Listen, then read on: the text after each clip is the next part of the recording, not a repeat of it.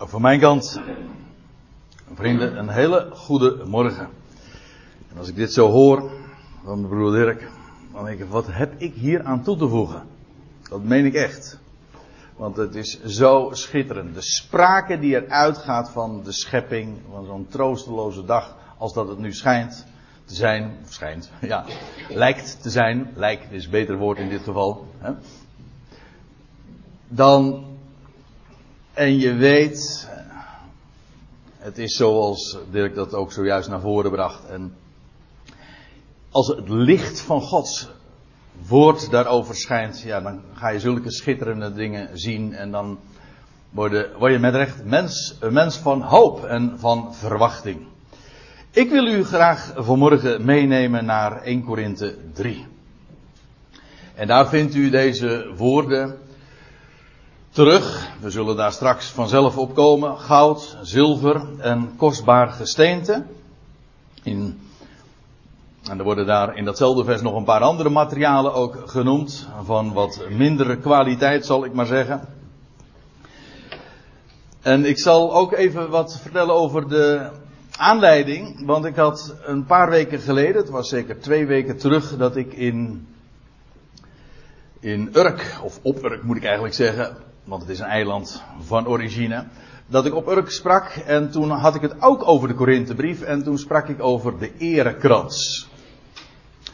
Of de erekroon, het hangt er een beetje vanaf van welke vertaling je het hebt. Dat Paulus één ding voor ogen had en dat was die erekrans. En naar aanleiding daarvan ontstonden er een paar vragen. Ik heb ze ook via de mail nog gekregen. En toen dacht ik, er zijn dingen onderbelicht gebleven. En dat tekort van toen, dat wil ik graag rechtzetten. En vandaar dus de keuze voor dit schriftgedeelte, want feitelijk gaat het over zelfde, zelfde elementen, namelijk over dat wat van blijvende waarde is, ook in ons leven. Laat ik om te beginnen maar eens de draad oppakken in vers 10 van 1 Korinthe 3. Ik moet even nog weten, Paulus had in feite nog maar kort tevoren was hij aangekomen in Korinthe. Eerst was hij in Athene geweest. Trouwens, als u studies ook beluistert of bezoekt in Katwijk over het boek Handelingen, daar zijn we zo ongeveer nu ook mee bezig. Handelingen 16, 17. Paulus was in Athene, vervolgens ging hij naar Korinthe, dat daar niet ver vandaan lag. En hij heeft, met knikkende knieën, zo weten wij uit dezezelfde brief, daar de boodschap gebracht. Met knikkende knieën gewoon ziende op zichzelf. En dat wat men allemaal van hem verwachtte. Maar wat een, dat mannetje, Paulus, wat een kracht demonstreerde hij daar in het woord wat hem was toevertrouwd. Daar was hij ook erg zeker van. En inmiddels zijn we een jaar verder. Er was een, een ecclesia ontstaan. Hij had een boodschap daar gebracht. En nu, een jaar later, zo ongeveer, misschien nog iets langer, schrijft hij deze Corinthiërs een brief. Paulus was inmiddels weer verderop gegaan. En aan die ecclesia, die gemeente, schreef hij een brief. En dan haak ik dus aan, zoals gezegd, bij vers 10. Dan zegt hij, en dat is heel karakteristiek, woorden die op Paulus' lippen bestorven liggen. Namelijk waar het hem altijd om ging, namelijk de genade Gods. Hij zegt, en na de genade van God, die aan mij gegeven is, of eigenlijk gegeven wordt, voortdurend. Staat er in de tegenwoordige tijd. Naar de genade van God die mij gegeven wordt. En laat ik nog eens even wat daarop inzoomen. Want die genade Gods, daar schrijft hij ook, ja, in deze brief over, in al zijn brieven, etaleert hij dat zo geweldig. Genade, weet u wat dat is? Dat is vreugde om niet. Dat wil zeggen, je doet er niks voor. Het, zoals al eerder vanmorgen ter sprake kwam, het overkomt je. Het valt je ten deel. Het is, je betaalt er niks voor. Je kunt het niet kopen, maar je krijgt er vreugde voor. Dat woord, charis, dat is het Griekse woord, dat werd in de Griekse wereld ook veel gebruikt. Kijk, bij ons is het een beetje weggekaapt en een religieus woord geworden. Dat is het niet. Genade wil zeggen vreugde om niet. En genade Gods, dat is vreugde van God om niet. Je krijgt het gratis. En dat is zo geweldig. Ja, omdat het vreugde is en bovendien omdat het om niet is. Ons woord gratis heeft daar ook nog weer alles mee te maken. Gratie. Maar ik neem u mee naar twee plaatsen. Even verder in deze brief, dan zijn we inmiddels aan het einde van de brief ongeveer gekomen. 1 Korinthe 15 en Efeze 3. Laat ik eerst eens beginnen bij 1 Korinthe 15. Dat Paulus dan vertelt in dat magistrale hoofdstuk, monumentaal, waarin hij naar voren brengt dat het, het leven heeft overwonnen en dat de dood eenmaal uiteindelijk teniet gedaan zal worden. Het is de laatste vijand, maar niettemin, de dood zal teniet gedaan worden. Maar dat komt omdat het leven inmiddels heeft overwonnen. En Christus is de eersteling. En hij heeft dat bewezen. Het is Paulus laat ook zien in die eerste verse. Het is een historisch feit. Het graf is leeg, velen gezien, gedocumenteerd. Gewoon, het feit ligt er. Of mensen dat nou geloven of niet, het is een feit. Historie. En dan laat hij ook zien van ja, hij is aan, aan velen verschenen, aan de twaalf en een keer aan 500 broeders tegelijk, van wie het merendeel thans nog in leven is, zegt Paulus dan. Dus met andere woorden, vraag het maar na. En hij zegt, en uiteindelijk is hij ook aan mij verschenen. Als een ontijdige geboren, een misgeboorte. Dat is wat hij van zichzelf zegt. Maar zegt hij dan, en nou komen we in dat tiende vers, maar zegt hij, door de genade Gods, vreugde, puur om niet, want hij zegt er nog bij, ik heb de, ik heb de Ecclesia van God vervolgd. Dus, gezocht heb ik het niet. Het is met recht overkomen. Bij klaarlichte dag, terwijl hij op weg was naar die Ecclesia in Damascus en Syrië te verwoesten. Het uh, geloofsbeliever had hij meegekregen vanuit Jeruzalem. Hij was gemachtigd om dat te doen. Maar in ieder geval, zo falikant tegen, een vijand. Hij wilde de gemeente van God vervolgen. En als bij klaarlichte dag, met recht, oh, komt er een licht overheen. En hem heen en hij valt op ter aarde en dan hoort een stem. Nou, u kent het. En het was, als Paulus daarop terugblikt, hij zei dat is genade Gods. Puur om niet. Niet omdat ik er iets voor gedaan heb. Ik, ik zocht het niet, in tegendeel. Ik zocht, ik zocht het juist niet. Maar God maakt van vijanden vrienden. En het is hem overkomen. Kijk, dat is genade. Door de genade God, zegt hij, ben ik wat ik ben. Dan ben je onaantastbaar. Wil Paulus pretendeerde helemaal niks. Hij zei, ik verdien helemaal niks. Ik heb niks gezocht. Ik heb niks geclaimd of niks bereikt of bewerkstelligd. Het is puur zijn genade. Hij zegt, en die is actief geweest hoor. Het louter feit dat het mijn ten deel val is genade gods, maar ook het is niet vergeefs geweest. Want hij zegt, ik heb meer gearbeid dan zij allen. Dat kon hij tegen de Corinthiërs zeggen. En inmiddels was hij weer verder opgegaan, dus overal heeft hij het uitgebazuind. Maar hij, terwijl hij het dan zo formuleert, dan, dan haast hij zich om te zeggen, ja, wacht even, maar niet ik, maar de genade gods die met mij is. Kijk, genade ontketent wat in een mens. Dat is vreugde, om niet. En dat hou, hou je niet voor jezelf. Dat, dat moet eruit. En zo'n Paulus is zo'n zo'n projectiel geweest. Hij, dat was echt kracht gods. En genade gods. En dat heeft zo enorm veel in zijn leven ontketen. Dat is genade. Dat is totaal dus geen prestatie, geen werk. Als het een werk is, oké, maar dan is het zijn werk. 100% zijn werk. Door de genade Gods. Ja, je zou natuurlijk daar heel veel eh, vanuit de brieven zo over naar voren kunnen brengen. Doe ik niet, maar ik wil u nog bij één ander woord bepalen. En dat is in de Efezebrief. Die dan veel later in de gevangenis is. Hij, zegt, hij schrijft ook als gevangene. En dan zegt hij mij. En dan herinnert hij zichzelf er ook weer aan. En zijn, zijn lezers. Hij zegt mij verreweg de geringste van alle heiligen. Hij zegt ook hier weer totaal geen enkele pretentie. Hij zegt ten opzichte van al degenen die ik nu aanschrijf. En over de hoofden van die Efeziërs, of wie dat dan ook geweest mogen zijn. En over de hoofden van hen heen richt hij zich daarmee ook aan ons. Hij, in feite, die brief is geschreven aan allen die in Christus Jezus zijn. En dan zegt hij, van alle die ik nu aanschrijf, ik ben verreweg de minste. Hij zegt, en aan mij is deze genade te beurt gevallen. In, het tweede vers, kijk het maar eens na. Mijn Bijbeltje heb ik zelf niet bij me, oh oh. Maar uh, in Efeze 3 vers 2 spreekt Paulus dan ook over de genade gods. En deze genade is mij te beurt gevallen. Ja, als geringste. Hij zegt, elders zegt hij, ik ben de eerste van de zondaren. Dus van alle zondaren, hij zegt, ten opzichte van heel de mensheid, die al, allemaal zondaren, ik ben de eerste. Ik ben de eerste. Maar juist daarom was hij zo'n geweldig demonstratiemodel van genade. Dat hij echt kon bewijzen van, het heeft niets met verdiensten te maken. God doet dat en geeft dat. Mij verreweg de geringste van alle heiligen is deze genade te beurt gevallen. Om aan de natie de onnaspeurlijke rijkdom van Christus te verkondigen. Nou, dat houdt wat in hoor.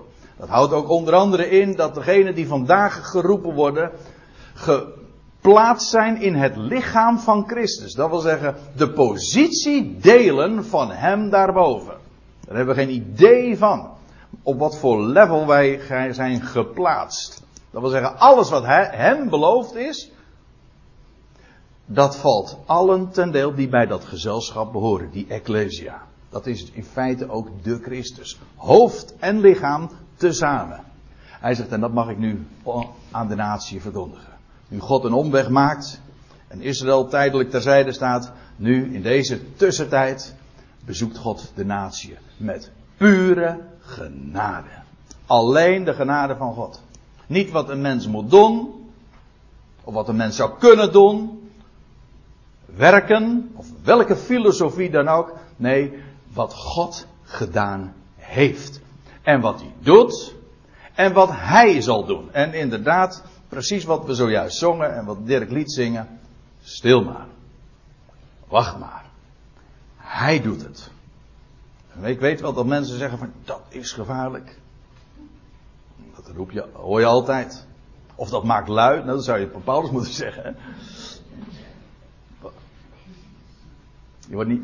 Als je die genade leert kennen, dat is zo'n enorme vreugde. Kijk, daaraan herken je ook genade. Als, als je wil weten van in hoeverre versta ik die genade? In hoeverre ken je die vreugde?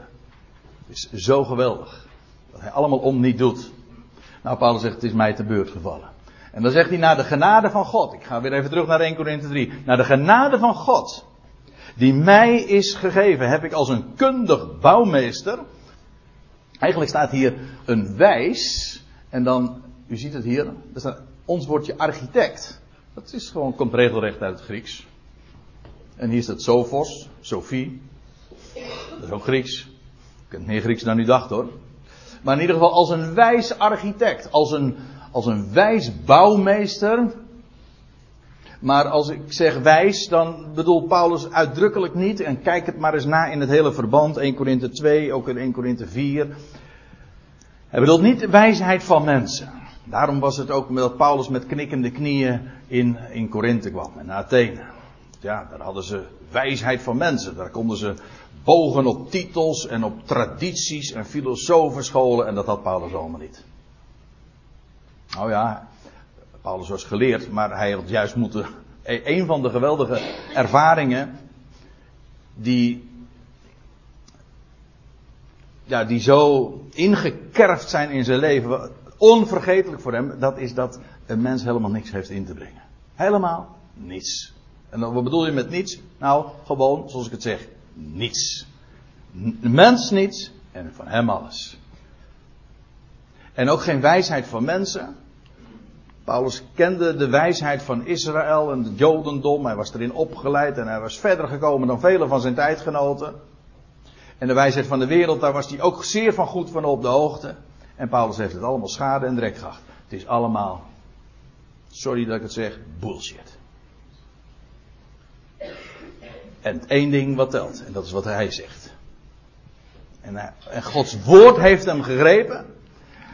Het was geen wijsheid van mensen. Hij zegt maar als een wijs, maar als een wijs architect maar is ook genade van God, heb ik, mogen, heb ik het fundament gelegd. Let op, ja, dan heeft hij het niet, ik heb een, een gemeente gesticht. Ik heb altijd een beetje hekel aan het woordje gesticht. Hm? Daar krijg ik altijd rare gedachten bij. Ja, ik denk, ja, je hebt het dan over een, een, werkwoord, maar eigenlijk dan weer is het een zelfstandig naamwoord. Het gesticht. Nee, maar ook een gemeente gesticht. Hoe, hoe wordt dat niet in de kerkelijke wereld? Dat is allemaal wijsheid van mensen hoor. Weet je wel, dan zeggen ze van een gemeente gesticht. En dan bedoelen ze me mee geïnstitutionaliseerd. Dus alleen het woord al. En dan, eh, dan is er een, zijn er statuten neergelegd. En zijn er mensen aangesteld. Allemaal gewoon een menselijke organisatie heeft Paulus niet gedaan. Paulus heeft geen gemeente gesticht in, als een organisatie neergelegd. Nee, hij had het fundament gelegd. En weet u wat, wat hij daarmee bedoelde? Nou, hij heeft daar in Korinthe het fundament neergelegd. En hij heeft daar gesproken, namelijk levend woord van God. En er waren mensen die luisterden. En die werden gepakt en gegrepen door dat woord. Wat overkomt je namelijk?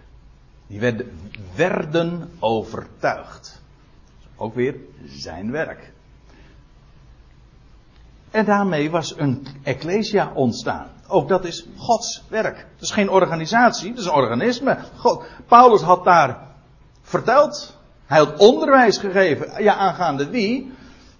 En wat? Nou, dat zullen we straks zien. Maar even dit. Het gaat hier over onderwijs. Hij had dingen gesproken. Namelijk woord. En dat was dat fundament. Hij zegt, en ik heb dat fundament gelegd. Feitelijk moet ik erbij zeggen, wat hij gedaan heeft, is gesproken over het fundament. En uh, elders in zijn brieven, ja, ik doel onder andere op de Romeinenbrief, dan zegt hij ook van, dan haalt hij dat aan uit, de, uit Jezaja, dat God in Zion een kostbare hoeksteen heeft neergelegd. En dat is weer, ja, dat is weer dat, dat lege graf. Daar in Zion, daar is de Zoon van God opgewekt. Die derde dag uit de doden. Dat is dat fundament. Dat is het fundament.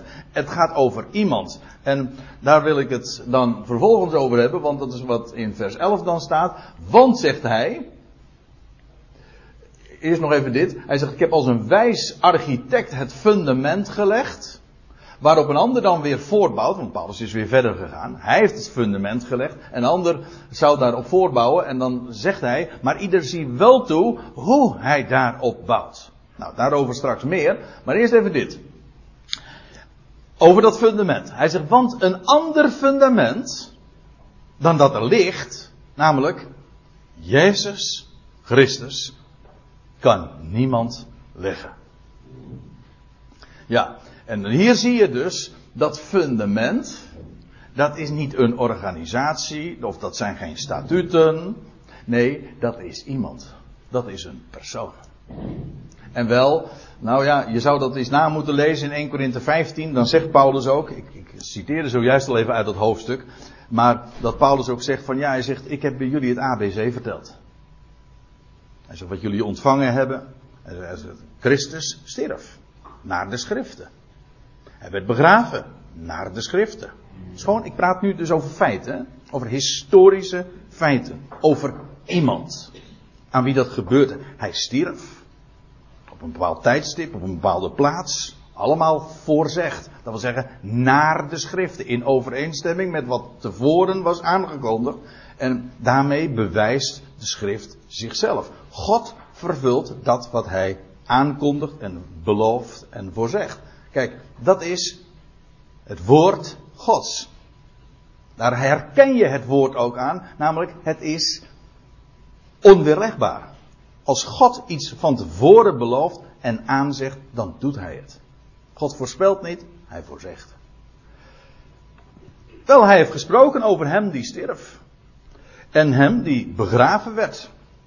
En vervolgens die op de derde dag, staat er ook weer bij, en ten derde dagen opgewekt uit de doden. Naar de schriften. Dat wil zeggen, ook dat stond aangekondigd. Niet alleen maar dat hij zou op, worden opgewekt, maar ook wanneer hij zou worden opgewekt. En zelfs waar, namelijk daar in Zion. Allemaal.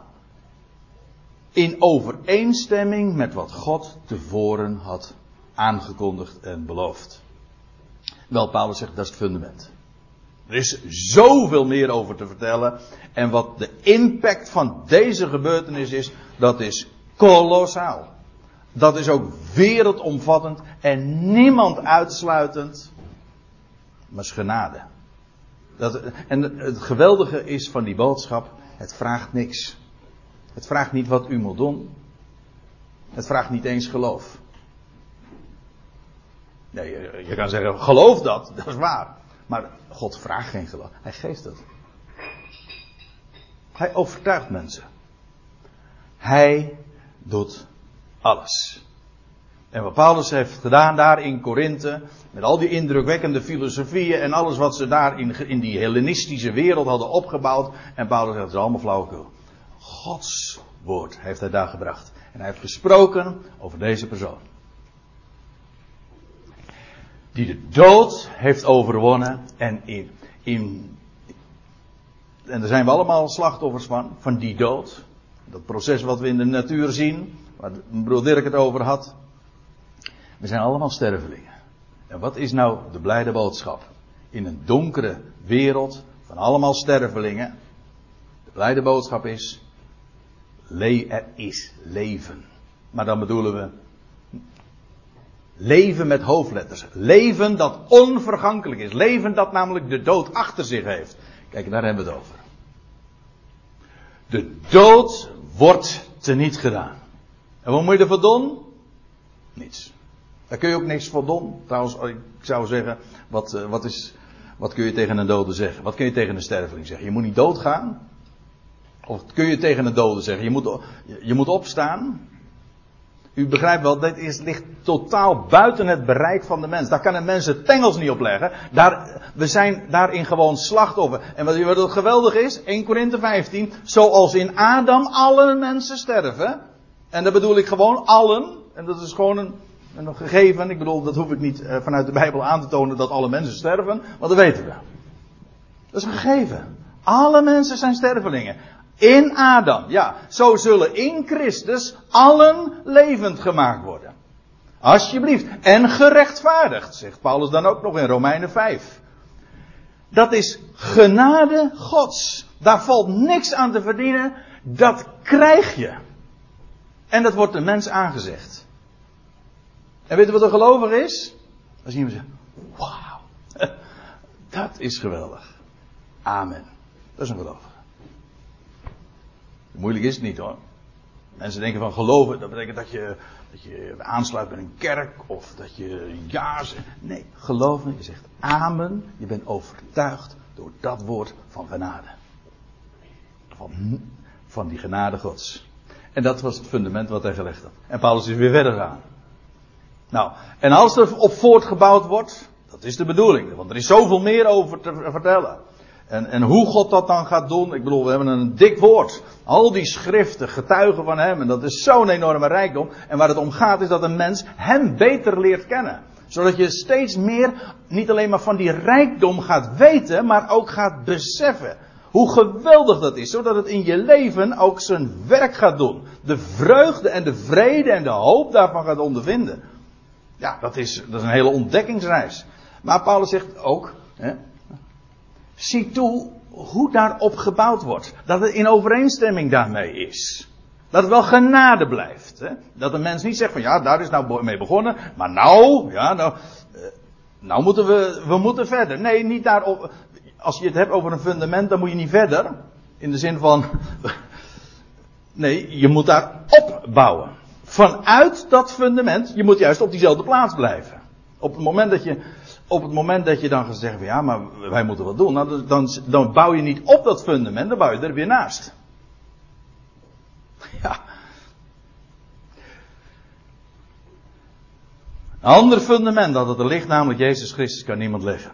En dan komt het. En dan komen we ook op die, die titel terug. Vers 12 van 1 Korinthe 3. Let eens op. Is er iemand die op dit fundament bouwt? En eerst even dit. Paulus heeft het hier specifiek over het onderwijs in de Ecclesia van Korinthe.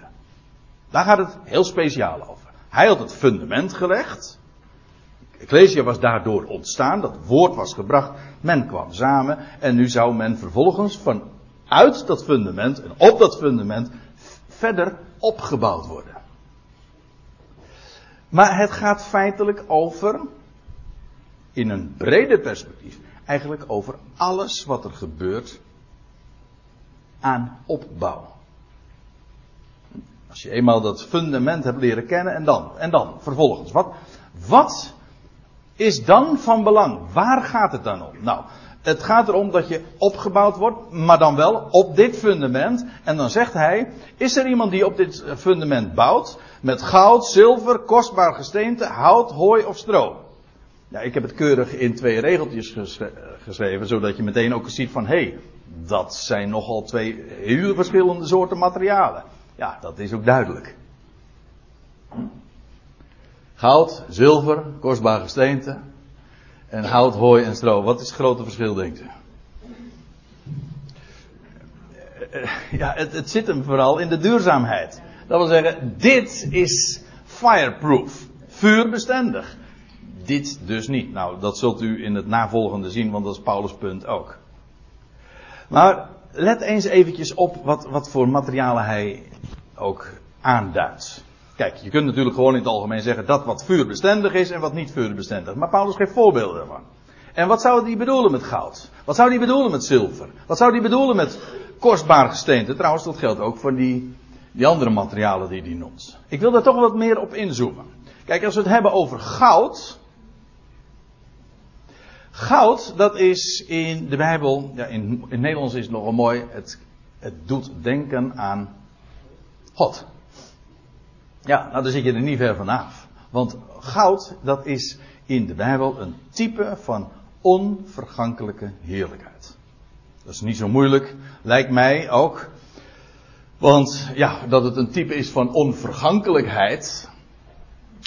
Uh, het, is een, het is het bekendste edelmetaal. En als je zegt edelmetaal, dan betekent dat het verbindt zich niet met zuurstof, oftewel het roest niet. En daarom, het is een, kijk, als je ijzer, uh, als je een fiets ergens neerzet, geen gouden fiets, ik bedoel, gewoon een fiets neerzet, ja, dan uh, na verloop van een aantal jaren, als er een paar keer herfst overheen gegaan is, dan is er weinig meer van over. Waarom? Hij verroest. Hij in feite, hij verbrandt dus. Want verbinding met zuurstof is eigenlijk een vorm van verbranding. Dat wil zeggen, het doorstaat het vuur niet. Goud wel. Goud is edel. Leg je een staaf goud neer, dan is het na, na tien jaar ligt dat goud er nog steeds. Het is een type van on, ja, dat ligt er nog steeds. Ja, Arie zie ik nee schudden en hij zegt nee hoor, die dat, dat ligt er daar niet meer. nee, als Arie langs geweest is. ik heb er wel een goede bestemming voor. Oh nee. ja. Maar u begrijpt de, de hint, hè? Het is, het is een onvergankelijk metaal. Het is trouwens ook heel mooi, ik zat dat nog eens na, na te kijken. Ja, er is over goud veel meer te vertellen. Ook over de, dan moet broer, Dirk nog maar eens een keertje bij een andere gelegenheid doen. Over de typen, typologie in de natuur. Maar het is ook een schitterend embleem van eenheid. Ik las van goud, 1 gram goud, dat kan uitgetrokken worden tot een draad van 35 kilometer. Ja, dan wordt het heel erg dun, maar dat, zonder dat het breekt. En dat, dat ze zegt, men zegt dan, het, is, het heeft een enorm, extreem hoge cohesiegehalte. Cohesief. En dat wil zeggen, het, ja, het breekt niet. Vandaar ook dat, dat, blad, uh, dat je bladgoud hebt, dat zo ontzettend dun is en het wordt zelfs doorzichtig. Maar dat komt omdat het, het breekt niet. Het is een type van eenheid. En dat is dan ook weer prachtig, want alles wat met Gods heerlijkheid te maken heeft, dat is onvergankelijk, maar dat maakt ook één. Het heeft trouwens ook nog de associatie met de zon en met licht. En die foto's die u zojuist zag van de herfst, weet je wel, als, als, als het goddelijk licht, of het licht van de zon dan schijnt over die trieste natuur, maar je ziet het blad ineens verandert het in goud. Goudkleurig. Zo van, het is onvergankelijke heerlijkheid dat wacht. Kijk, en die plaatjes die u hieronder ziet, dat zijn allemaal plaatjes uit, ja ook de tabernakel, maar dat is eigenlijk ook niks anders dan Gods illustratiemateriaal waarin hij demonstreert wie hij is en wat zijn werk is. Daar was ook alles goud. Als hoe meer je in het heiligdom kwam, als je in het allerheiligste kwam, dan zag je daar, daar was alles goud. Of in ieder geval overtrokken met goud. het was, dit was een houten kist, weet u dat? Ja, hout. Maar het was het is een beeld van hout is vergankelijk. Maar het was overtrokken met goud. Dat wil zeggen, het vergankelijke werd onvergankelijkheid aangedaan. Nou, u ziet hier die gouden kandelaar, de gouden, dit was in het, in het heilige, en de gouden tafel met de toonbroden. Schitterende type, maar het, waarom ik er nu even op doel, het is goud. In dat heiligdom van God is het, dan gaat het om dat wat onvergankelijk is. Over wie God is. Namelijk onvergankelijk. En daar, kijk, en het enige wat telt, ook in het onderwijs in de Ecclesia, maar ook in ons leven. Wat is er in ons leven aan goud? Goud is dat wat te maken heeft met wat van Hem is. En waar we Hem danken. Waar we de genade van Hem zien. Dat is goud. En dat blijft ook. Gaat nooit, dat zal, we zullen dat zien. Wat blijft er, oh, oh, ja, ik zou het haast eh, zingen. We gaan straks trouwens niet zingen, maar uh, oh mens, zeg toch wat blijft over van dit leven. De arbeid der liefde. Hè? Gedaan om u heen, maar de liefde gods dan. Dat blijft over. Maar alles vergaat.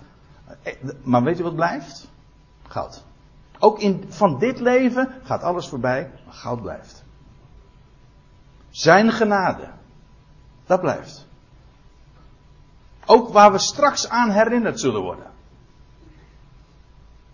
Alles gaat voorbij, maar zijn heerlijkheid, dat wat hij gedaan heeft, wat hij geeft, wat hij in ons leven gedaan heeft, dat is goud. Gaat nooit voorbij.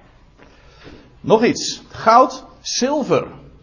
Zilver in de Bijbel is eh, vooral, trouwens bij ons ook, hoewel goud bij ons trouwens ook een betaalmiddel is natuurlijk. Ons woord gulden komt eigenlijk van gold. Dus gulden is eigenlijk goud. Maar in de Bijbel is uh, zilver met name het, het betaalmiddel. Zilverlingen, zilverstukken.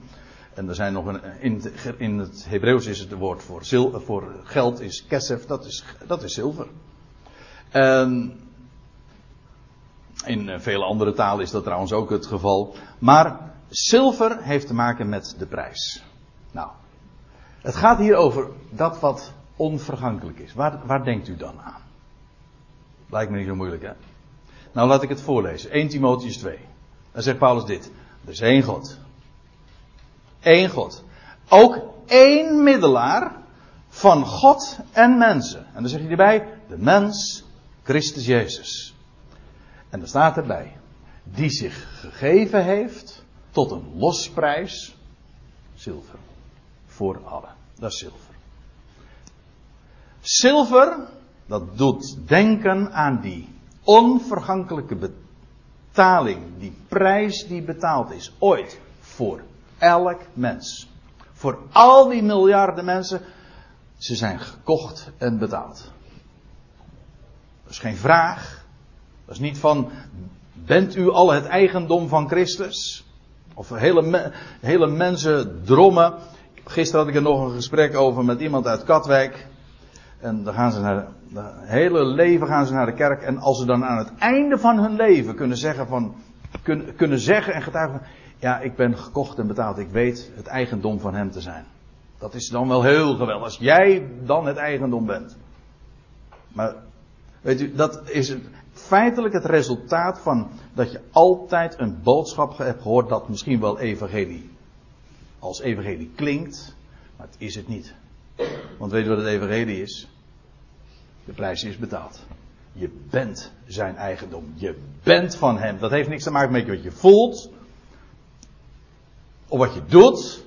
Het heeft te maken met wat 2000 jaar geleden is gebeurd. De prijs is betaald voor iedereen. En iedereen is zijn eigendom.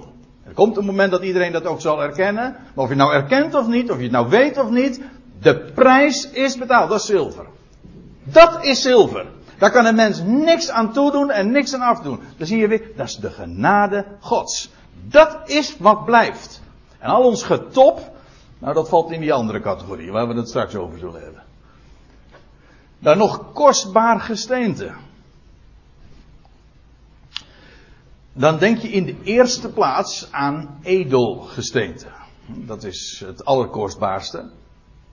En weet je wat er als, waarom edelstenen edelstenen heten? Dat, komt, dat heeft te maken met de duurzaamheid, dat wil zeggen de hardheid van het materiaal, maar vooral ook de lichtdoorlatendheid. Een edelsteen, dat is een steen dat licht doorlaat. Nou, ik zou zeggen, kleur het plaatje zelf verder in. Dan weet je meteen waar het over gaat, waar het een beeld van is. Licht, het laat, het laat licht, beeld van wat God te melden heeft wie God is. God is licht, zijn woord is licht. Wel, als dat doorlaat, dat is kostbaar gesteente. En hier ziet u weer nog een plaatje. Als we het dan toch over kostbaar gesteente hebben. Hier ziet u de hoge priester. In, uh, onder het oude verbond. Die had een. Ja, die was op een speciale wijze gekleed in hemelblauw. En dan, maar wat, wat zo geweldig was, hij had ook kostbaar gesteente. De namen van zijn volk. Twaalf stuks, twaalf steen had hij op zijn borst. Op zijn hart. Hij had, hij die steen, hij had zes stenen op zijn, uh, op zijn linkerschouder, zes stenen ook op zijn rechterschouder. Dat wil zeggen, en dat waren allemaal uh, represent, die stenen representeerden elk van de stammen van Israël. En die, had, die droeg de hoge priester op zijn schouders. Een beeld van kracht. Maar dat niet alleen, ook op zijn borst, op zijn hart. Dan kwam die, kwam die priester in het heiligdom. Was die ontrokken aan het oog. Een schitterend type, dat is de Hebreeënbrief dan weer. Wij hebben vandaag een Heer ontrokken aan het oog. Waar is die dan? Ja, achter het voorhangsel in het hemels heiligdom. Maar hij leeft. En wat doet hij dan? Nou, hij draagt de zijne, zijn volk, op zijn hart en op zijn schouder. Schouders, moet ik zeggen. Van het verloren lees je dat het verloren schaap dat werd gedragen ook op, op zijn schouders. En dat is groot dat is geweldige kracht. Je leest in, we, zijn, we gaan richting kerst. Niet dat we van het kerkelijk jaar zoveel aantrekken, maar richting kerst. Dan worden die woorden uit Jezaja nog wel eens gelezen. Hè? Dan staat er van, een kind is ons geboren, een zoon is ons gegeven. En dan staat er, de heerschappij rust op zijn, nee, schouder. Ik hoor schouders zeggen, bijna goed. Maar op zijn schouder. De heerschappij, het gaat er over de heerschappij, over Israël en de volkeren, dat straks openbaar zal worden. Maar de, de hele heerschappij van de wereld, dat rust op zijn schouder, op zijn ene schouder. Maar hij draagt de zijnen op zijn schouders. Wat een kracht. Dat bedoel ik. Maar ook hier, op zijn hart. Wij hebben een vertegenwoordiger daarboven. U zegt, je ziet het niet? Nee, maar wat maakt dat uit? Wij, wij leven door geloof. God heeft gesproken. Kijk, dat is dat kostbaar gesteente. Daar worden we aan herinnerd. Wat wij, wat zijn volk is voor hem. Maar dat kostbaar gesteente, dat wordt gedragen door die hoge priester. Door die Heer die daar vandaag in, in, de, in de hemel is. Aan de rechterhand Gods. En daar staat er, hij pleit. Dat wil zeggen, hij behartigt de belangen van zijn volk. Dat wil zeggen, hij is degene die dat allemaal, ja, ons leven regelt. Ons geeft wat we nodig hebben. Daar hebben we helemaal geen. Kijk, als je dat weet. Als je, als je, moet het eerst weten. Anders, als je het niet weet, dan kun je het niet beseffen ook. Dan kun je er ook niet uit leven. Dan kun je ook niet het profijt en het rendement, zeg maar, daarvan ondervinden. Maar als je het ondervindt. En je weet van. Er is er één daar mijn belangen behartigt. Bij God, die mij lief heeft. Wat kan er mij gebeuren? Kijk, dat is kostbaar gesteend. Dat gaat nooit voorbij. moment dat een mens dat gaat beseffen, goud, zijn heerlijkheid, onvergankelijk, opstandingsleven, zilver, de prijs die hij betaalde, kostbaar gesteente. Kijk, dat blijft. En, maar dan zegt Paulus, en hij tekent het contrast met nou, wat, waar we het nu vervolgens over hebben. Over hout, zegt hij. Moet je even opletten. Hij heeft het. Er staat hier hout, maar als u hier ziet in de grondtekst, er staat eigenlijk hout delen. Dat wil zeggen, het is eigenlijk meervoud. Ja, in het Nederlands kun je dat niet zo goed zeggen, dan moet je zeggen houten. Maar dat klinkt een beetje raar. Maar het is dus eigenlijk de gedachte van hout delen. Maar waar, als je aan hout delen denkt, dan denk je aan, ja, aan planken, balken, gewoon waar je constructies van maakt. Gewoon dit, hè? hout delen. En het is met opzet dat ik het ook zo even doe. Want dan denk je aan constructies. Maar Paulus zegt dat natuurlijk niet voor niks. Juist in dit verband. 2, 1 Korinthe 2, 1 Korinthe 3, waar we het nu over hebben. Dan heeft hij het over de wijsheid van deze wereld. De redeneringen van wijze. Kijk, dat, is nou, dat zijn die houten constructies. Heel indrukwekkend, want je kan er iets geweldigs mee maken. Enorm veel volume. Ja, geweldige gebouwenwerken kun je optrekken. Ja, maar het is hout. Paulus zegt in 1 Corinthië 3, vers 20, dus een paar versen verderop. Hij zegt, de Heere weet, de mensen meestal niet. De Heere weet dat de redeneringen van de wijzen ijdel zijn. Weet u waarom? Ja, nog, een, nog even iets anders. Er staat van de wijze. Dat wil zeggen van degenen die in de wereld gewoon in tel zijn. Als wijs en geleerd. Er staat niet de redeneringen van de dwazen. Dan zeg je ja, de. Nee, de redeneringen van de wijzen. Waar zo tegen opgekeken wordt. Weet u waarom? Dat, komt, dat heeft niks te maken met een gebrek aan intellect. Maar omdat het uitgangspunt niet, niet deugt. Als het uitgangspunt niet klopt, u weet het allemaal, als je met een wiskundige som begint en je kan, het, je kan het helemaal perfect doen, maar als het uitgangspunt niet, niet deugt, dan klopt er van het eindresultaat ook niks. En weet u wat het beginsel van wijsheid is? Waar wijsheid begint, dat is met de vrezen van hem. Als daar niet begint, dan kom je gewoon per definitie vals uit. Dan loopt dat dood. Dan leidt dat helemaal tot niks. Dat is ijdel, betekent lucht, niks. Gewoon flauwkul dus. Je kan geweldige constructies hebben, maken. Redeneringen, filosofieën, dogmatieken. Wat een mens allemaal bedenkt. Ook in, onder godsdienstige schijn en onder godsdienstig dekmantel. Maar het, is, het, is, zijn houten delen. En weet u wat er gebeurt? Met al die constructies. Er komt een moment. Dat het aan het licht zal komen. En dat het getoetst zal worden. En dan blijft er van al die constructies. niks over. Weet u waarom? Omdat het hout is. Het is niet, fireproof. Daarom. Er gaat er aan allemaal. Pff, er blijft helemaal niks van over. Zo de hens. In de hens. Dat, is, dat zijn de redeneringen der, wens, der wijze. Houten delen, geweldige constructies. En dan zegt Paulus, heeft het ook nog over hooi of stro. Die worden in één adem daarbij uh, genoemd.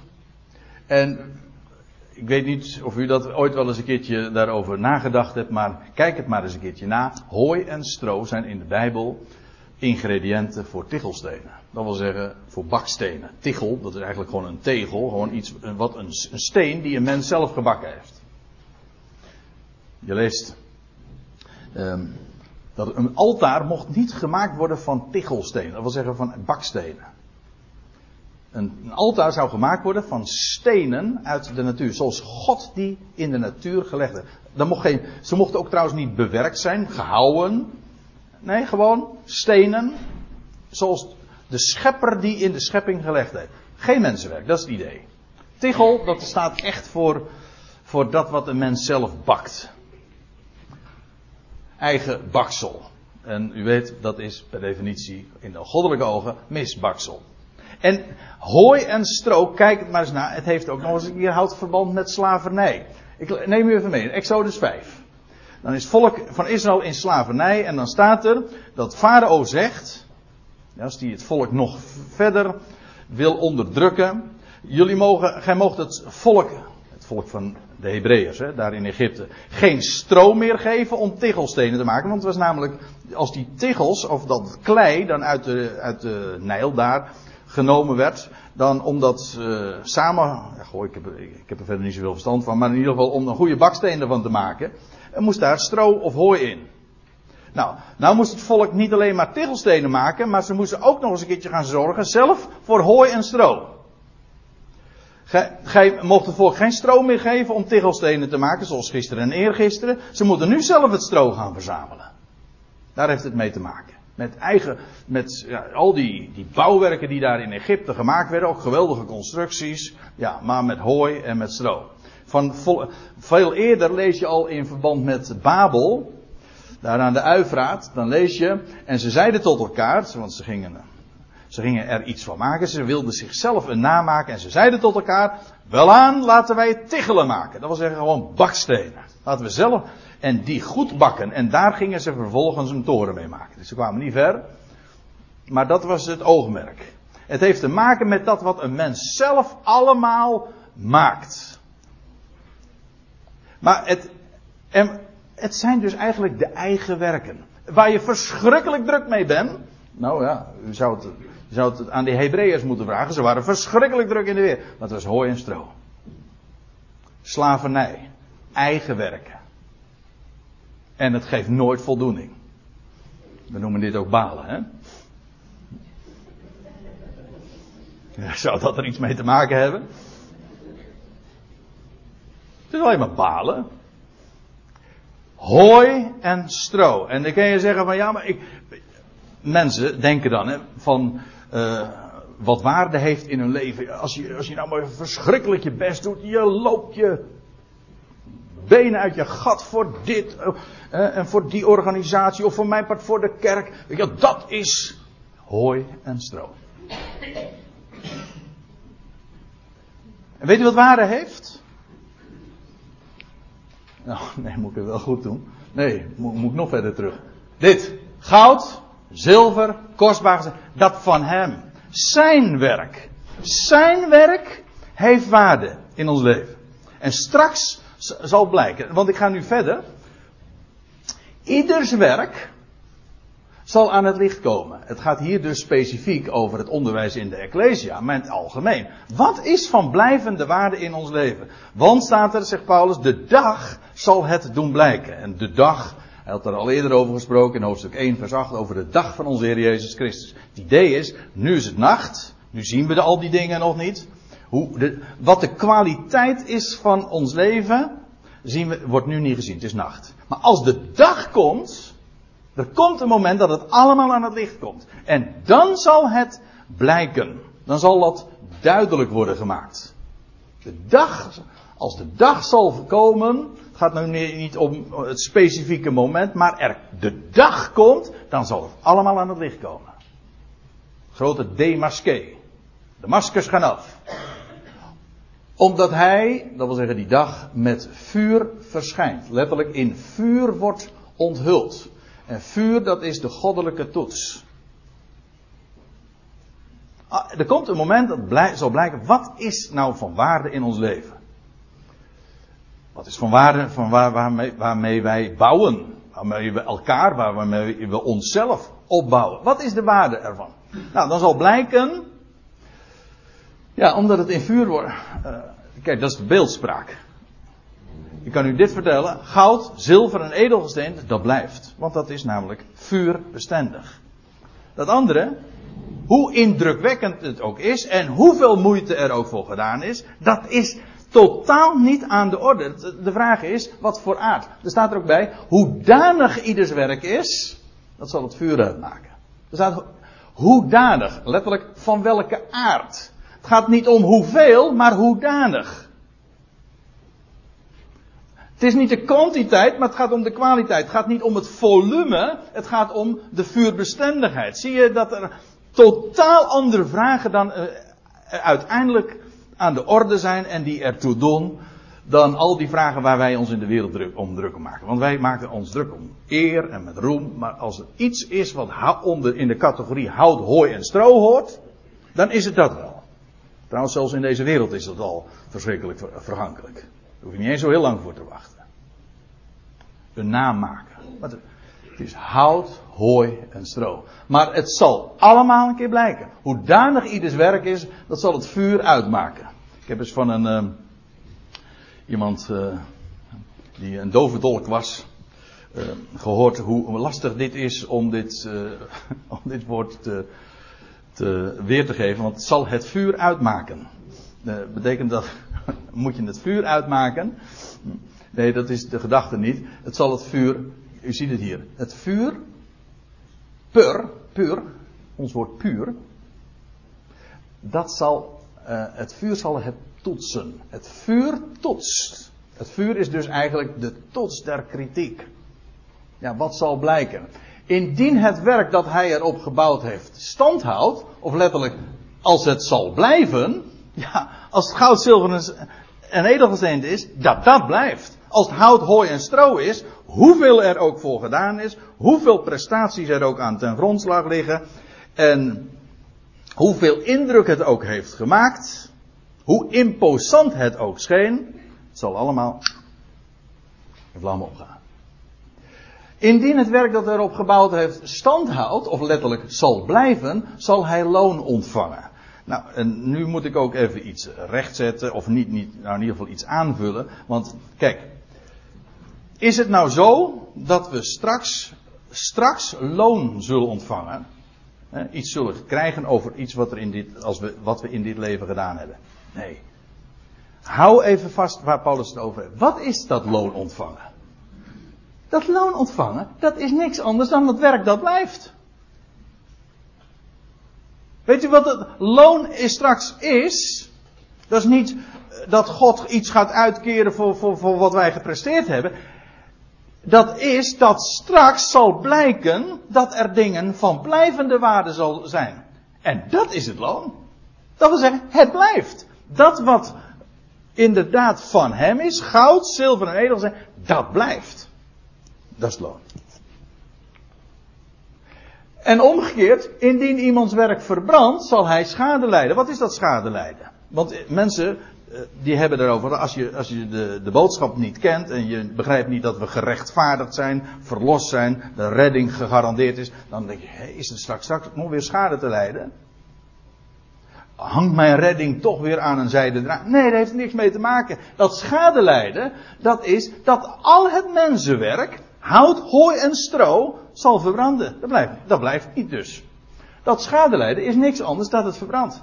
Ik zou zeggen, dank God daarvoor. dat je dat niet mee hoeft te nemen. Maar straks zal blijken wat van waarde was, wat vuurbestendig is, wat, of nog anders, wat goud, zilver en edelgesteente in ons leven was en wat niet. En wat eigen werk was, hout, hooi en stro. Het zal allemaal blijken. En wat blijft, dat is het loon. Of het loon, weet je wat dat is? Dat is dat wat blijft. Oftewel, zijn genade. Dat wat hij deed. Want dat is het enige wat onvergankelijk is. Alles van een mens zelf, dat is hout, hooi en stro. Er staat ook bij, doch hij zelf zal gered worden. Ja, want dat is nu juist het hele punt. Dat staat niet ter discussie. Maar als door vuur heen, dat wil zeggen, als je dan alles, als je je hele leven zo in de weer geweest bent met hout, hooi en stroom, met eigen werken, dan zal blijken van dat dat geen stand houdt. Wat ook zal blijken, is dat wat waarde heeft in het leven, dat blijft. Dat blijft. Wat van hem is, wat hij doet, dat blijft. En waarmee dus ook gezegd is, dat heeft waarde en dat is uiteindelijk gewoon allemaal zijn eer. Ziet u hier, hier niet de redding staat ter discussie. Het gaat over de waarde van de bouwmaterialen. Daar gaat het over. Dat is goud, zilver, kortom alles wat van hem is. Dat bekroont God. Eigenlijk die erekrans in 1 Korinthe 9 is ook niks anders dan wat God bekroont. Oftewel zijn werk. Dat houdt zijn waarde en zal blijven bestaan.